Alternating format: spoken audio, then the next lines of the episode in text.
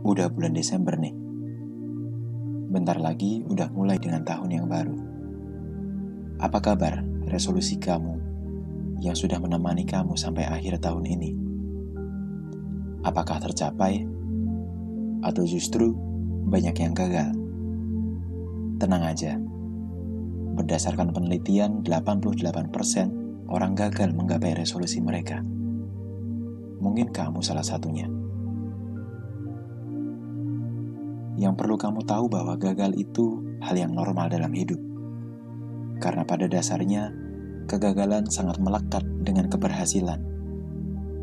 Apa pun yang kamu lakukan, cuma ada dua pilihan, gagal atau berhasil. Itu aja.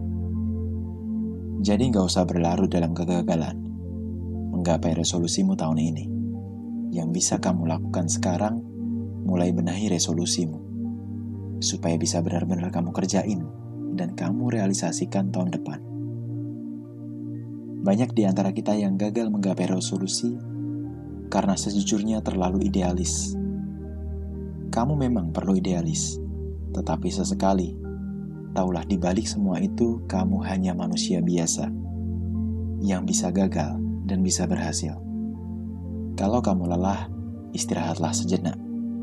Ambil nafasmu lalu berlari kembali.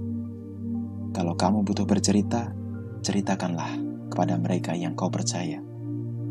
Melepaskan semua beban di pundakmu, memaafkan dirimu, dan merangkul setiap keluh kesahmu.